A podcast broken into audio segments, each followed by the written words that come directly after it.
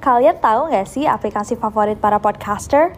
Aplikasi yang jadi kunci sukses para podcaster untuk ngerekam podcast-podcast keren mereka cuma dari smartphone, namanya Anchor. Anchor ini kalau aku bisa bilang adalah all-in-one app yang simple banget. Gak heran kalau para podcaster bilang bahwa aplikasi inilah kunci kesuksesan dari podcast-podcast mereka. Di Anchor, kalian gak cuma ngerekam suara, tapi juga bisa ngedit. Mulai dari rekaman, isi lagu, efek, dan lain-lain. Yang paling aku suka adalah karena Anchor ini super fungsional. Aku bisa langsung upload podcast aku ke Spotify atau platform lain langsung dari Anchor. Kalian bisa download Anchor di smartphone kalian langsung dari App Store, Play Store, atau dari web mereka www.anchor.fm. Trust me, Anchor is your best friend to create stunning podcasts. And you know what? It's totally free. Hey guys, it's Nancy.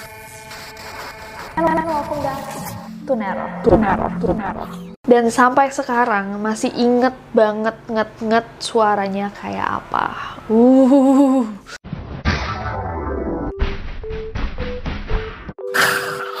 Hey guys, it's Nessie and welcome back to Nero. Hello Neroris, how are you? Apa ada yang kangen dengan background ini? Fun fact, aku dikelilingi dengan barang-barang office studio kita karena kita lagi renovasi. But anyways, nanti di akhir kita bisa ngomongin lagi tentang background ini. Ngomong-ngomong tentang background ini, aku jadi inget merch Neror. Banyak banget dari kalian yang kemarin udah sempat order merch Neror kalian dan aku gak sabar buat kembaran barang kalian. Jadi tag aku di Instagram kalau misalkan merch kalian udah datang. Kembaran kita. Oh, wow, sakit banget besinya.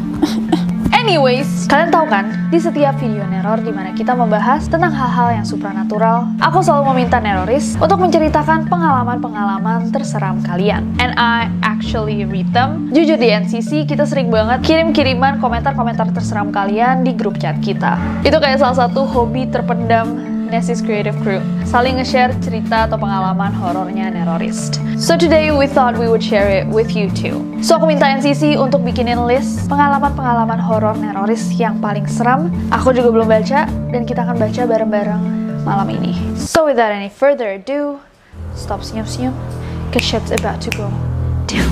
By the way guys, office studio kita ini lagi direnovasi, jadi kalau misalkan ada kayak gitu bunyi-bunyi konstruksi anggap aja background music oke okay? Oke, kita akan mulai video ini dengan cermin berhantu. Ini adalah komentar dari Fatmawati. Sedikit cerita, Kak. Waktu itu om aku meninggal siang, dan tepat jam 11.35 malam, aku duduk sendiri di ruang tengah. Depan TV, dekat kamar om yang dibuka lebar. Sedangkan ibu, tante, dan saudara ada di dapur sedang bikinin makanan. Sebagian saudara ada di teras. Aku cuma duduk sambil main HP. Di samping TV ada kaca rias gantung, tisu satu kotak dengan keluar selebar, dan di atas TV ada jam dinding. Suasananya memang sepi karena dalam berduka. Tiba-tiba, kaca rias di samping TV goyang-goyang, dan aku pikir itu angin. Tapi anehnya tisu yang di sebelah TV kenapa nggak bergerak, padahal tisu yang keluar sedikit itu lebih ringan daripada kaca rias. Dan aku lihat jam dinding yang tergantung tidak bergerak. Awalnya aku cuma terheran, tapi lama-kelamaan kaca rias itu bergoyang semakin kencang. Aku refleks langsung ingin merekam kejadian tersebut karena posisi aku untuk lari itu sangat tidak sopan di depan keluarga yang sedang berduka. Waktu aku merekam kaca rias semakin kencang bergoyang sampai terjatuh dan HP ku jatuh karena saking takutnya, aku teriak dan semua keluarga langsung menanyakan kejadian itu. Tapi kaca rias sudah pecah dan pemuka agama keliling sambil membaca doa di dalam rumah. Kejadian kurang lebih dua bulan dari sejak itu sampai sekarang. uh, oke, okay. wow. Ini berarti Fatma punya videonya ya, kayak dia benar-benar lagi keluarganya berduka, tiba-tiba kaca riasnya bergoyang sendiri. Well, sesuatu kayak gini tuh papaku suka bilang, mungkin saja energi yang tertinggal, tapi kalau misalkan kalian tanya mamaku, dia bakal bilang ya, mungkin ada makhluk yang bukan dari dunia kita. Kalau kalian percaya yang mana? Komen di bawah. Next.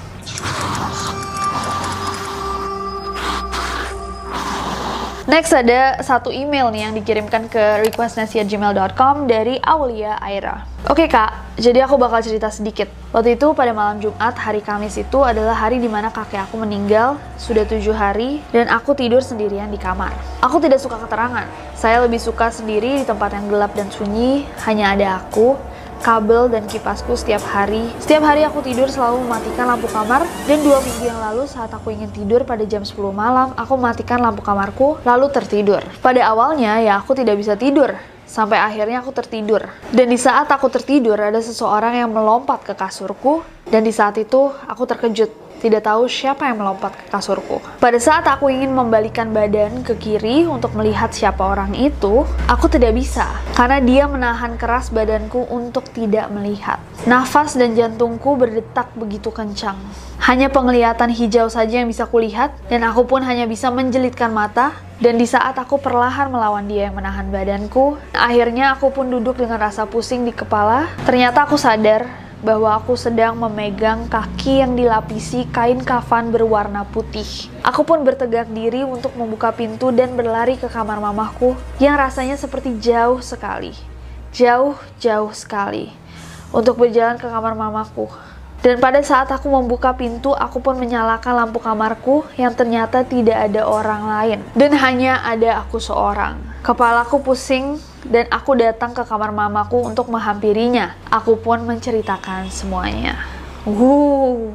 Oke, jadi si Aulia ini ketiduran, terus dia merasa ada yang lompat ke kasurnya, dan begitu dia melawan yang menahan itu, ternyata dia sedang memegang kaki yang dibalut kain kafan. Wow. Gimana menurut kalian pengalamannya Aulia ini? Apakah ada yang pernah mengalami pengalaman yang serupa? Apakah kalian percaya bahwa meninggalnya kakeknya Aulia yang tujuh hari sebelumnya itu berhubungan dengan kejadian ini? Mungkinkah itu makhluk halus? Atau mungkin cuma mimpi yang terasa sangat nyata?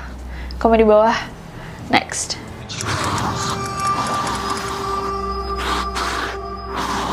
Next ada nenek misterius. Ini adalah komen dari Avaril. Gue pernah waktu itu kelas 4 SD jenguk orang sakit sama papa dan mama di rumah sakit di Jakpus. Nah, gue kan lewat Jatinegara dan of course gue lewat terowongan kokas lah ya kan. Terus gue sempat beli jajan dulu di pinggir jalan dan di situ gue posisinya belum masuk ke terowongan kokas. Dan pas lagi beli jajanan, ada nenek-nenek lapar gitu. Terus gue beliin roti ya kan. Dan dia bilang makasih sama gue. Nah, terus nenek itu langsung jalan dan gue juga langsung naik mobil lagi. Terus pas jalan lurus lewat terowongan kokas, Nah gue sampai tuh di kuburan umum namanya Karet Bivak. Anak Jakpus tau lah Pas gue lihat jalanan dari jendela, gue lihat nenek-nenek tadi dan gue bilang, "Lah, itu kan nenek-nenek yang tadi. Kok jalannya cepet banget?"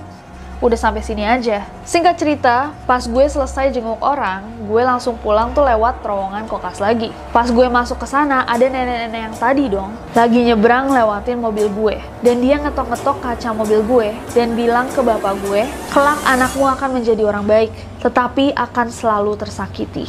Dan bapak gue kaget dong, tapi dia stay cool. Oh oke okay, nek, terima kasih kata bapak gue. Dan ternyata bener dong. Sekarang teman-teman gue pada datang ke gue kalau lagi sedih, abis ngelepas rasa sedihnya, gue langsung ditinggalin. Akhirnya sedikit kayak curcol ya. Wow, serem banget. Dan seingat aku dari legendanya terowongan Casablanca tuh emang ada yang berhubungan sama sosok nenek-nenek. Coba kalau misalnya kalian ingat bisa di komen di bawah. But that was pretty creepy. Gimana menurut kalian? Komen di bawah. Next.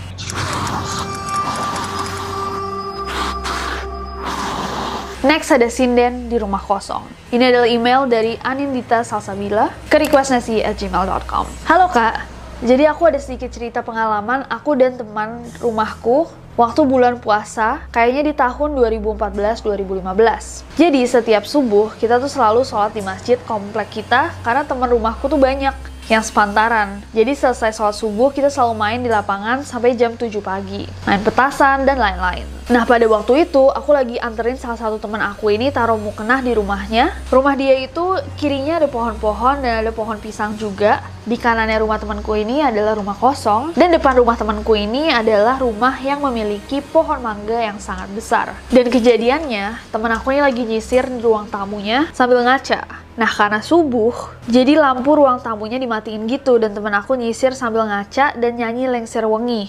Hah? Why? Mungkin bercanda-bercanda gitu kali ya. Nah pas temen aku nyanyi, aku giniin, Peh, jangan nyanyi itu, nanti ada yang datang aja. Terus teman aku dengan santai bilang, lagi bulan puasa, setan tuh diikat. Gak lama, temen aku tuh nyanyi lagi. Tiba-tiba ada suara nenek-nenek yang melanjutkan lagu lengser wengi itu dengan suara yang merdu dan melengking gitu. Demi Allah itu bagus banget, kayak nyinden tepat di pojokan rumah teman aku. Tapi suaranya bener-bener serem nyinden gitu. Tahu kan? Di sini nggak cuma aku yang dengar. Teman aku dan kakaknya pun ikut dengar bahwa ada yang nyanyi. Akhirnya kita ngibrit ke kamar dia. Terus nggak tahu kebetulan atau emang gimana gitu. Paginya tetangga kita kecelakaan motor dan busway. Dan ini kejadian nggak cuma sekali. Teman aku sering denger dari kamarnya ada yang nangis dari rumah kosong itu. Kadang juga ada yang ketok-ketok tembok kamar teman aku. Bapaknya teman aku ini ustadz. Dia sering bilang kamar belakang jangan sering dimatiin lampunya. Biarin aja nyala terus. Oh iya, by the way, rumah kosong yang ada di sebelah teman aku ini udah lama banget kosong dan juga udah sedikit runtuh gitu bangunannya. Dan sampai sekarang masih inget banget nget-nget suaranya kayak apa. Uh, Uh, wow. That's so scary. Ih, pas banget aku ngeliat ke bawah 11-11. Ini intermezzo banget, tapi kalian sering gak ngeliat kayak jam pada waktu yang selalu bersamaan. That's pretty creepy. Gimana menurut kalian tentang cerita yang satu ini? Apa yang akan kalian lakukan kalau misalkan kalian lagi nyanyi, tiba-tiba ada yang lanjutin? Suaranya merdu dan melengking. Komen di bawah. Next. Eh hey guys, aku mau sedikit sharing sih seputar aplikasi keren yang aku gunain buat bikin podcast ini. Aplikasi ini tuh bisa di-download di App Store atau di Play Store, and it's totally free. Gak cuma buat ngerekam aja, Anchor juga bisa buat ngedit langsung rekaman kalian. Kita bisa langsung nambahin back sound, effects, tambah lagu, bahkan Anchor juga bisa mendistribusikan podcast kita ke berbagai platform lainnya. Kayak aku nih, biasanya aku langsung upload podcast aku ke Spotify langsung dari Anchor. Jadi di mana pun aku berada, aku bisa buat podcast aku kapan pun dan di mana pun aku mau. Karena dia super gampang, aku jadi suka banget nih sama Anchor ini. Daripada kalian kepo, mendingan kalian langsung coba aja buat podcast sendiri pakai Anchor. It's super simple and free.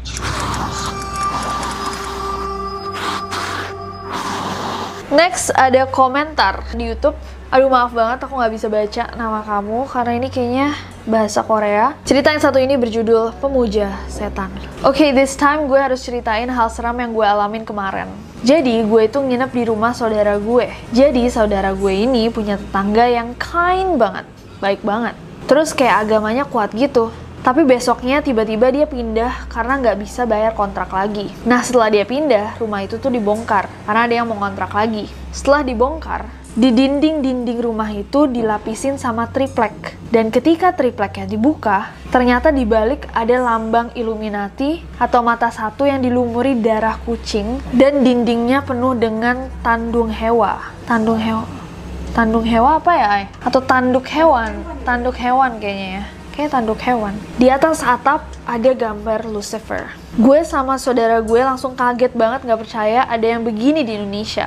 Dan ini tuh di kampung, bukan di kota. Dan setiap kali saudara gue ini beli kucing, gak sampai sehari itu hilang terus. Dan ternyata inilah penyebabnya. Padahal dia itu berhijab dan rajin sholat gila. Sebelum ketahuan, gue sering main ke rumah tetangga saudara gue ini. Dan emang bau rumahnya tuh bau bangkai gitu. Setelah gue dan saudara gue tahu ternyata si kain woman ini ternyata Illuminati, langsung lemes dong badan gue. Gak nyangka banget sih yang awalnya gak percaya Illuminati itu ada, langsung dibuktiin sama tetangga saudara gue ini. Kalau mau buktinya, masih ada di foto gambar triplek yang ada gambar mata satunya. Jujur, ini lebih serem dari yang kalian bayangkan sih. Bener-bener di sebelah rumah saudara gue. Uh, wow. Oke, okay, ini ceritanya super creepy. Elemen-elemen di mana kayak, oh ini orang yang dikenal sebagai orang yang beragama, orang yang baik, ternyata merupakan pemuja setan. Nah, aku mau melempar pertanyaan sih sama kalian. Apakah kalian percaya bahwa dia benar-benar memuja setan, Illuminati or whatnot?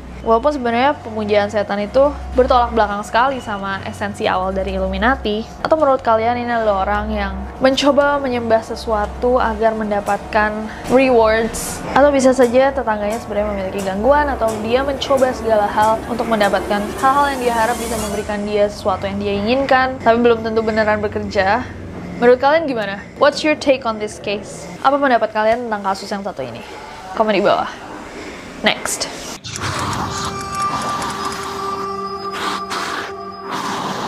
Next ada email dari Helena L. Halo kak, banyak sekali pengalaman horor aku. Uh, Helena, how exciting is your life? Jadi aku mau cerita yang pertama dulu. Sekitar setahun yang lalu, oh berarti banyak sejak setahun yang lalu, wow. Setelah aku masuk SMA favoritku, aku jalan-jalan dengan keluargaku. Setelah pulang sampai rumah, ternyata pulsa listrik rumahku habis. Dan itu gelap gulita. Aku tinggal di salah satu perumahan di daerahku, dan rumahku paling pojok. Saat gelap itu, aku dan adekku menunggu orang tuaku ke Indomaret untuk beli token listrik. Saat itu adalah H plus 1 lebaran Idul Fitri, jadi tetanggaku banyak yang pulang kampung. Jadi berasa sepi banget. Adekku yang penakut sampai pegang erat tanganku. Dia mau nangis karena ada suara cewek nangis di rumahku. Aku langsung kibas tangannya dan kumarahi dia. Dia ketakutan setengah mati karena suaranya tambah kenceng. Dan juga kayak ada suara barang berantakan gitu. To be honest, aku juga dengar suara cewek nangis itu. Tapi aku pura-pura nggak denger, soalnya kalau aku bilang denger, adek pasti tambah nangis. Eh beberapa menit kemudian, si cewek itu muncul di depanku. Dan parahnya cuma aku yang lihat. Adekku enggak. Mau teriak nggak bisa. Mau bilang ke adek takut, dianya malah pingsan gara-gara ketakutan. Aku tutup mata, tapi cewek itu masih bisa kelihatan. Sampai akhirnya orang tuaku datang, dan cewek itu menghilang. Aku langsung buru-buru cerita yang sebenarnya. Adikku juga mukul aku gara-gara dia ketakutan. Tapi aku pura-pura nggak dengar apa-apa. Dan ketika aku lagi cerita soal itu, tahu-tahu bonekaku jatuh. Padahal boneka itu ada dalam etalase yang lebarnya 2 meter. Kan nggak mungkin bisa jatuh. Uh, oke. Okay. Oke, okay, this one's pretty creepy. Gimana menurut kalian? Apakah hal ini pernah terjadi sama kalian? Coba komen di bawah, ceritain. Next.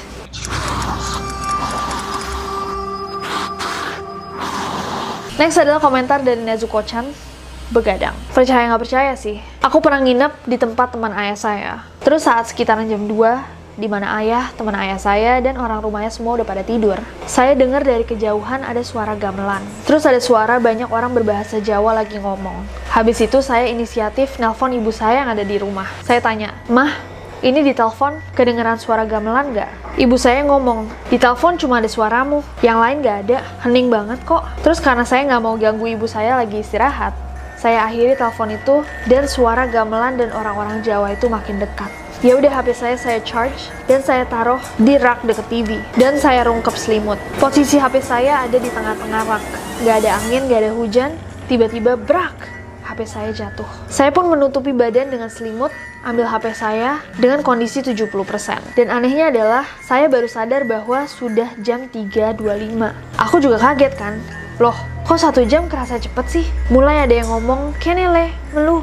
Artinya, sini nak, ikut saya istighfar banyak-banyak. Suara gamelan semakin besar, namun suara orang-orang mulai nggak ada. Gak henti-hentinya saya istighfar. Tiba-tiba saya lihat jam, sudah menunjukkan pukul 4.10.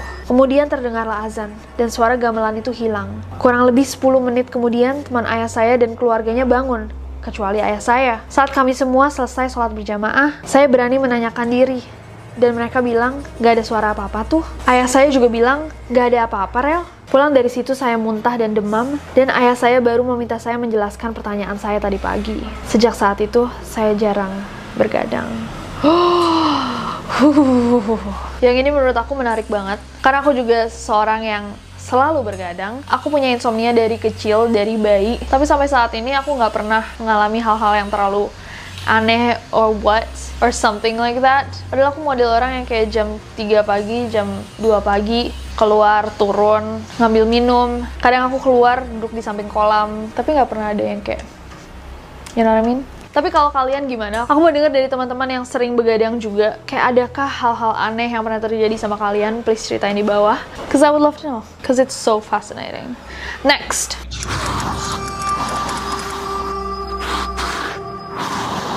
Oke okay guys, dan ini yang terakhir. Ini sebenarnya kemarin sempat rame ya di Twitter. Jadi aku lupa aku lagi kerjain apa gitu di tengah-tengah aku ngecek Twitter.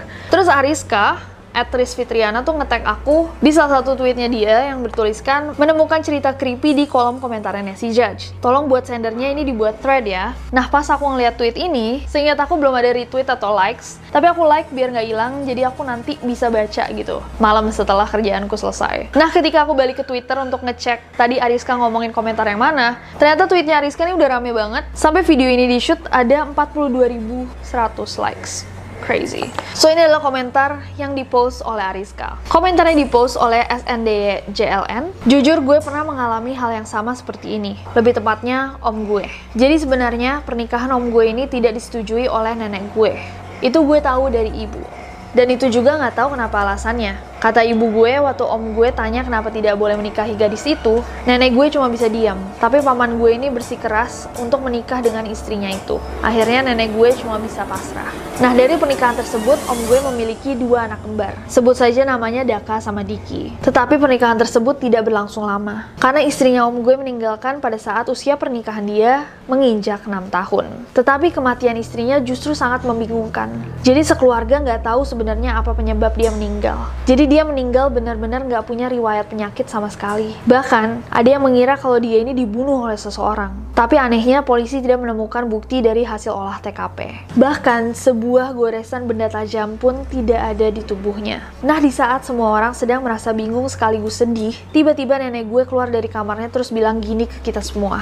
Dua anak itu akan mengikuti jejak ibunya nanti, sambil menunjuk ke arah Daka sama Diki, yang waktu itu masih berusia 2 tahun. Kalau nggak salah, gue waktu itu usia 7 tahun. Dan om gue yang lihat ibunya ngomong kayak gitu ke anaknya, nggak terima dong. Nah di saat itu om gue benar-benar marah sama nenek gue. Sampai dimaki-maki gitu loh. Tapi nenek gue langsung balik jalan masuk ke arah kamarnya sambil bilang kayak gini. Lihat saja nanti saat usianya 6 tahun. Di saat itu, lo bakal ngerti maksud gue ngelarang pernikahan lo waktu itu.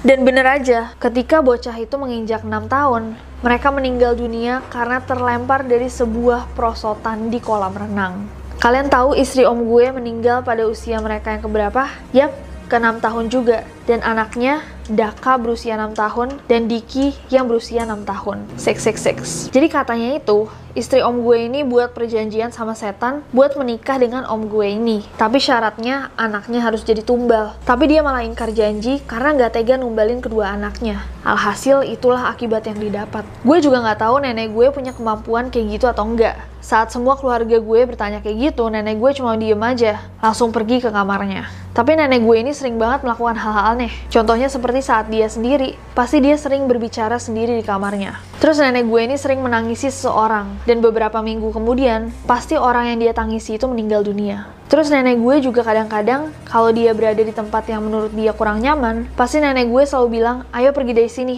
penjaga nenek terganggu. Dan saat ditanya penjaga itu maksudnya apa, nenek gue ini sekali lagi hanya diam. Semua keluarga berpikir kalau nenek gue ini punya gangguan mental. Dan saat dicek, jawabannya adalah nenek gue katanya tidak memiliki penyakit mental sama sekali. Om gue itu taunya pasti dari nenek gue, tapi nenek gue itu bilangnya nggak secara terang-terangan. Oh ini pasti ada yang nanya tentang taunya dari mana kalau dia pengabdi setan ya. Dia bilang ke om gue untuk ke rumah keluarga istrinya itu untuk bertanya apakah ada ruang misterius. Dan saat sampai di sana, om gue ngejelasin ke orang tua istrinya dan kagetnya mamanya itu bilang memang ada sebuah ruangan yang nggak boleh dimasukin sama mereka selain istrinya om gue itu, yaitu sebuah ruangan di bawah tanah. Katanya istrinya om gue itu sering bolak-balik ruangan itu setelah dia kenal sama om gue. Katanya ruangan itu penuh sekali dengan simbol-simbol agama yang terbakar dan terbalik.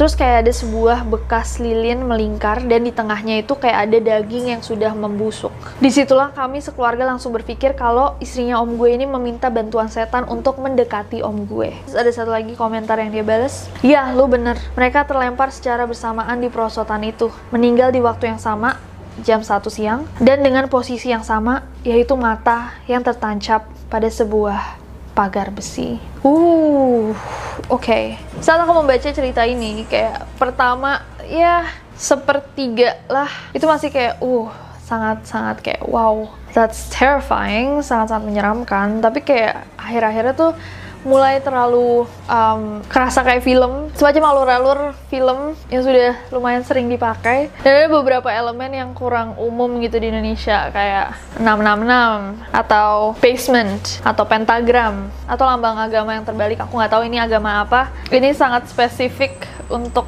satu agama karena di agama-agama lainnya kayak nggak ada artinya kalau kebalik gitu ngerti gak sih nggak ada sejarahnya di agama-agama lain di mana kalau lambangnya terbalik berarti ada setan yang kayak uh melecehkan agama itu. Tapi aku mau denger dari kalian. Cerita mana dari semua yang kita baca malam ini yang paling creepy? Yang mana yang bikin kalian merinding? Yang mana yang terdengar asli dan yang mana yang sepertinya hanyalah karangan? Komen di bawah. Atau mungkin bukan karangan tapi ada penjelasan-penjelasan lain? Komen di bawah. Tapi asli atau tidak, aku tetap mau berterima kasih sama semua yang sudah menceritakan, sudah sharing tentang pengalaman-pengalaman mereka atau cerita-cerita mereka. Karena menurut aku cerita-cerita horor ini sangat-sangat entertaining. Percaya atau tidak, itu urusan lain, tapi menurut aku semuanya sangat menghibur. So sekali lagi aku minta kalian untuk menceritakan cerita horor yang pernah terjadi di kehidupan kalian dan mungkin kita bisa bikin part 2 kalau misalkan banyak yang seram-seram. Buat yang nggak punya cerita juga bisa bacain di bawah dan like komen-komen yang menurut kalian serem beneran atau screenshot lalu kirimin ke aku di Instagram atau di Twitter tweet kayak Ariska tadi jadi aku bisa lihat, aku bisa baca yang mana yang menurut kalian serem beneran dan juga tweet-tweet ini bisa menghibur orang lain. Kemarin yang dipost sama Ariska di Twitter cukup menarik untuk banyak orang. But other than that, I hope that you guys enjoy this video. Kalau misalkan kalian suka videonya, klik like-nya, follow aku di Instagram dan Twitter, gampang banget. Messi Jajajet. Jangan lupa juga merch Neror masih available di Tokopedia Postler Official dan di Shopee-nya Postler Official. Jadi kita bisa kembaran. Dan subscribe ke channel ini juga nyalain notification-nya biar kalian tahu kalau misalkan aku upload video baru. Karena aku gak sabar buat ketemu kalian lagi. Bye-bye.